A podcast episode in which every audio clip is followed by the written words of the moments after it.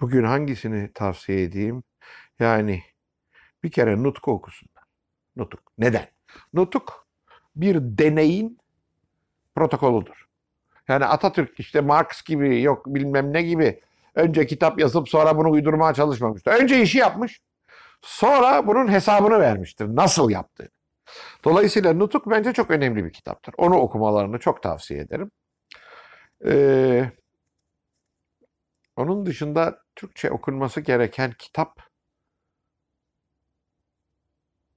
hem çok değişik konularda var. Bir de ben çok Türk literatürüne de hakim olan bir adam değilim. Yani ben mümkün olduğu kadar iyi kitaplar okumaya gayret ediyorum. Dışarıdan kitaplar okumaya gayret ediyorum. Belki de yani tavsiye edebileceğim benim bilgiyle sohbeti okusunlar. O, o, o bayağı insanın gözünü açabilecek türde bir kitap. Bir de şeyi okusunlar ya. Hasan Ali Yücel'i, benim Hasan Ali Yücel kitabını okusunlar. Ha ben yazdığım için değil. Hasan Ali çok şey öğretiyor. Yani Hasan Ali Yücel benim görebildiğim kadar Atatürk'ü en iyi anlamış olan adam. Hocam Türkçe dil sınırlandırmamızın sebebi birçoğu sizin söylediğiniz kitap işte Almanca olunca ya işte ben bunu nasıl okuyayım? E, Doğru, doğru, doğru, doğru. Ama mesela bir Cyrano de Bergerac'ın Sabri Esat Siyavuşgil'in yaptığı tercümesini okusunlar. Orijinalinden güzel ya. İnanılmaz bir Türkçe. İnanılmaz bir Türkçe. Ama Türkçesini okuyacaksın. Sabri Esat'ın ki Hasan Ali Yücel'in yaptırttığı tercüme serisinden çıkmıştır. Ben Fransızcasını da okudum onun.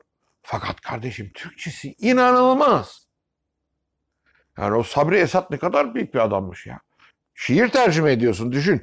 Bütün bir piyes şiir. Herif şiir olarak Türkçe'ye tercüme etmiş ya. Müthiştir yani. Mesela onu okusunlar. Değil mi? Bir Sierra de Bergerac okudun mu? İnsanın kendi diline hürmeti artıyor. Yani onu okuduğun zaman. Değil mi?